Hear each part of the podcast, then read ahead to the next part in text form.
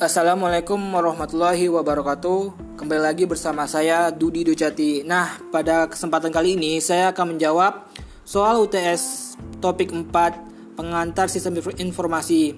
Nah langsung saja masuk ke soal yang pertama yaitu Jelaskan perbedaan antara data, informasi, dan pengetahuan. Dan berikan contohnya. Data adalah fakta mentah atau rincian peristiwa yang belum diolah yang terkadang sulit diterima oleh akal pikiran si penerima, penerima data tersebut. Data dapat berupa angka, simbol, gambar, suara, karakter, atau tanda-tanda yang digunakan untuk dijadikan informasi. Suatu informasi bisa saja menjadi data apabila informasi tersebut digunakan kembali untuk pengolahan sistem informasi berikutnya. Contoh dari data itu karyawan A hanya masuk 15 hari dalam suatu bulan. Nah, itu contoh dari data. Terus sedangkan informasi adalah kumpulan data yang sudah diolah sedemi, sedemikian rupa sehingga nantinya dapat memberikan informasi dan juga manfaat bagi ke kalangan tertentu atau bagi semua orang. Dalam prosesnya, data yang sudah dihim, dihimpun dan juga sudah dimiliki kemudian diolah sedemikian rupa sehingga dapat sehingga data tersebut kemudian dapat menghasilkan suatu yang berguna dan juga informatif. Contohnya, contoh dari informasi itu 70% dari penduduk Lampung cenderung memilih calon presiden nomor satu. Terus untuk pengetahuan adalah informasi atau maklumat yang diketahui atau disadari oleh seseorang. Pengetahuan termasuk tetapi tidak dibatasi pada deskripsi, hipotesis, konsep, teori, prinsip, dan prosedur yang secara probabilitas Bayesian adalah benar atau berguna. Contoh dari pengetahuan itu berupa ilmu yang kita punya yang bermanfaat atau informasi yang bermanfaat bagi kita. Nah, itu merupakan ilmu atau pengetahuan. Terus soal yang kedua, apa yang dimaksud dengan database dan bagaimana tahap-tahapan membuat sebuah database dan berikan contohnya. Nah, database adalah struktur data yang menyimpan informasi yang terorganisir. Sebagian besar database berisi beberapa tabel yang masing-masing dapat mencangkup beberapa bidang yang berbeda. Misalnya, Database perusahaan dapat menyertakan tabel untuk produk, karyawan, dan catatan keuangan. Masing-masing tabel ini akan memiliki bidang berbeda yang relevan dengan informasi yang disimpan dalam tabel. Database adalah organisasi dan penyimpanan informasi tentang domain tertentu. Lebih sederhananya, database adalah mengelompokkan data yang berhubungan dengan subjek yang sama dan yang perlu disimpan untuk keamanan atau konferensi di masa depan. Nah, tahap-tahapannya itu yang pertama ada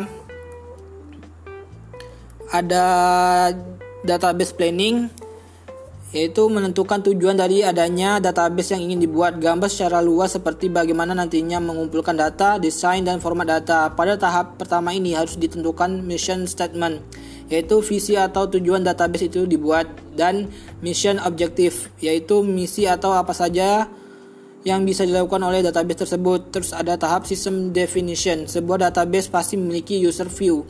Pada tahap ini, user view akan di, di, diidentifikasi dan ditentukan perannya. Terus ada requirement collection and analysis. Tahap ini akan mengumpulkan dan menganalisis data yang akan dibutuhkan oleh database. Tentunya juga kebutuhan apa saja yang dibutuhkan untuk membangun database yang diharapkan. Ada tiga pendekatan yang bisa dilakukan yaitu view approach, view integration, approach, approach dan kombinasi dari keduanya. Terus ada tahap application design. Tentunya Tentunya sebuah database tidak bisa menjalan, berjalan sendiri. Biasanya pasti ada aplikasi sebagai perantara antara user dan database ada dua aktivitas penting di dalam tahap ini yaitu transaction design dan user interface design. Terus ada proto prototyping atau optional. Prototyping adalah tahap di mana sebuah model yang dibuat untuk menggambarkan database yang ingin kita buat. Adanya tahap ini bertujuan untuk memberikan gambaran secara jelas, sehingga sebelum dijalankan rancangan ini bisa dievaluasi untuk dilihat kelengkapannya. Pada tahap ini biasanya akan ditemukan hal-hal yang ingin diperbaiki maupun dikembangkan lebih lagi. Terus ada implementation. Tahap ini adalah tahap tahapan yang sangat penting karena setelah dirancang, database tersebut akan direalisasikan. Database akan dikonstruksi sesuai dengan desain yang ada.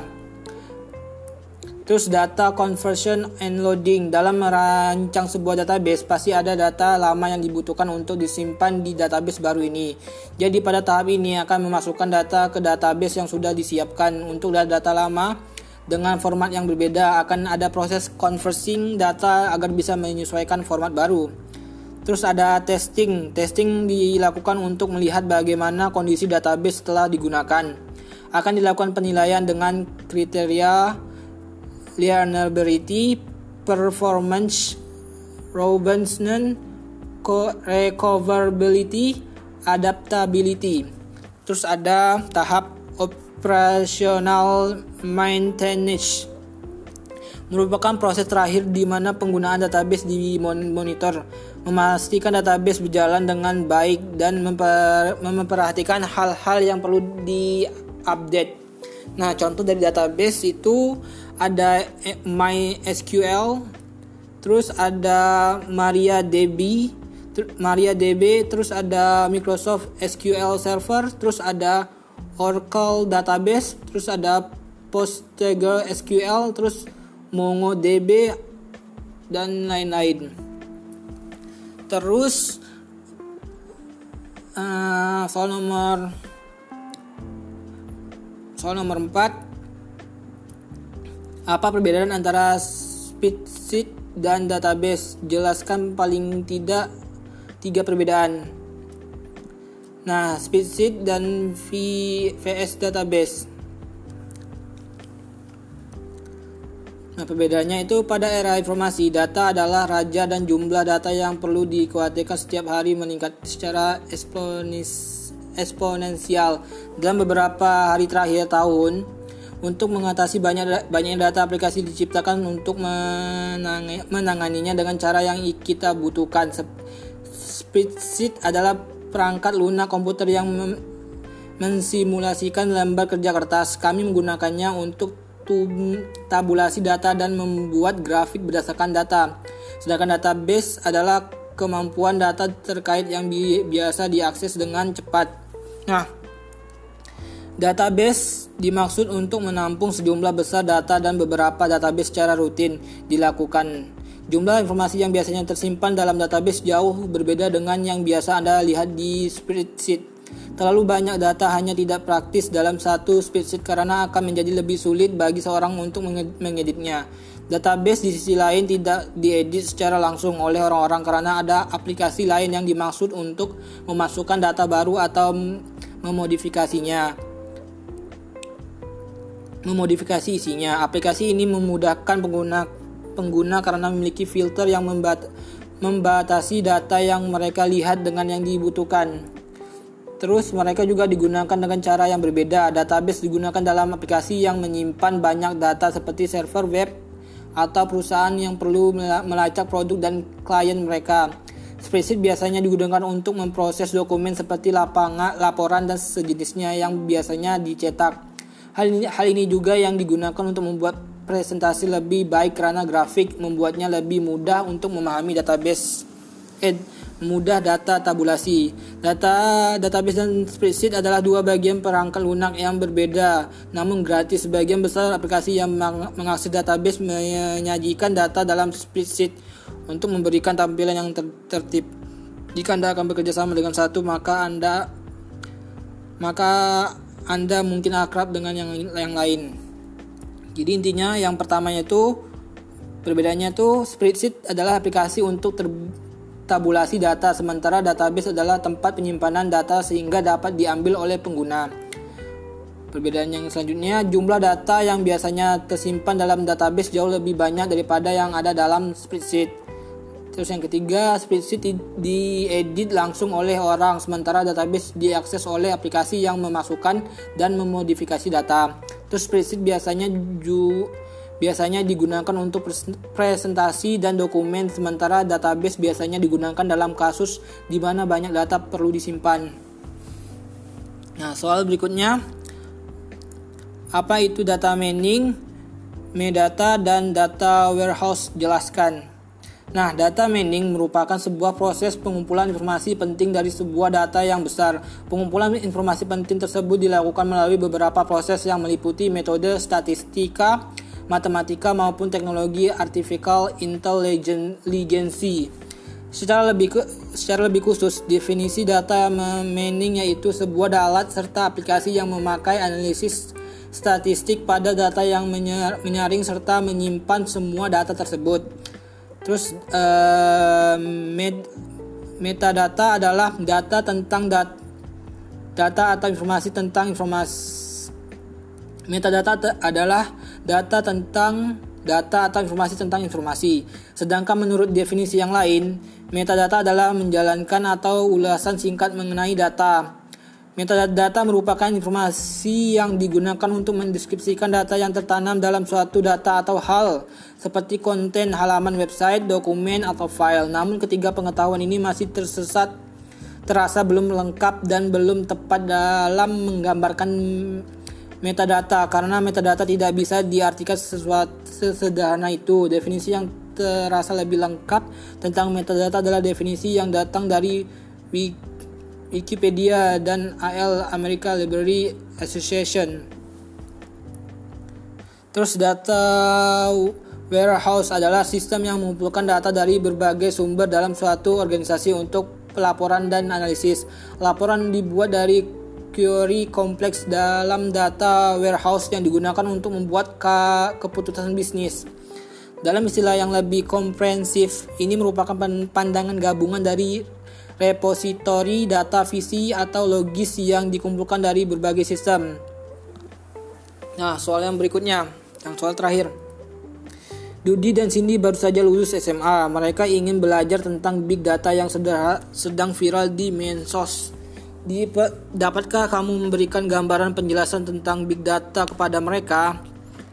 Nah, big data adalah kumpulan proses yang terdiri volume data dalam jumlah besar yang terstruktur maupun tidak terstruktur dan digunakan untuk membantu kegiatan bisnis. Big data sendiri merupakan pengembangan dari sistem database pada umumnya. Yang membedakan di sini adalah proses kecepatan, volume dan jenis data yang tersedia lebih banyak dan bervariatif dari daripada DBMS atau kepanjangannya Database Management System pada umumnya.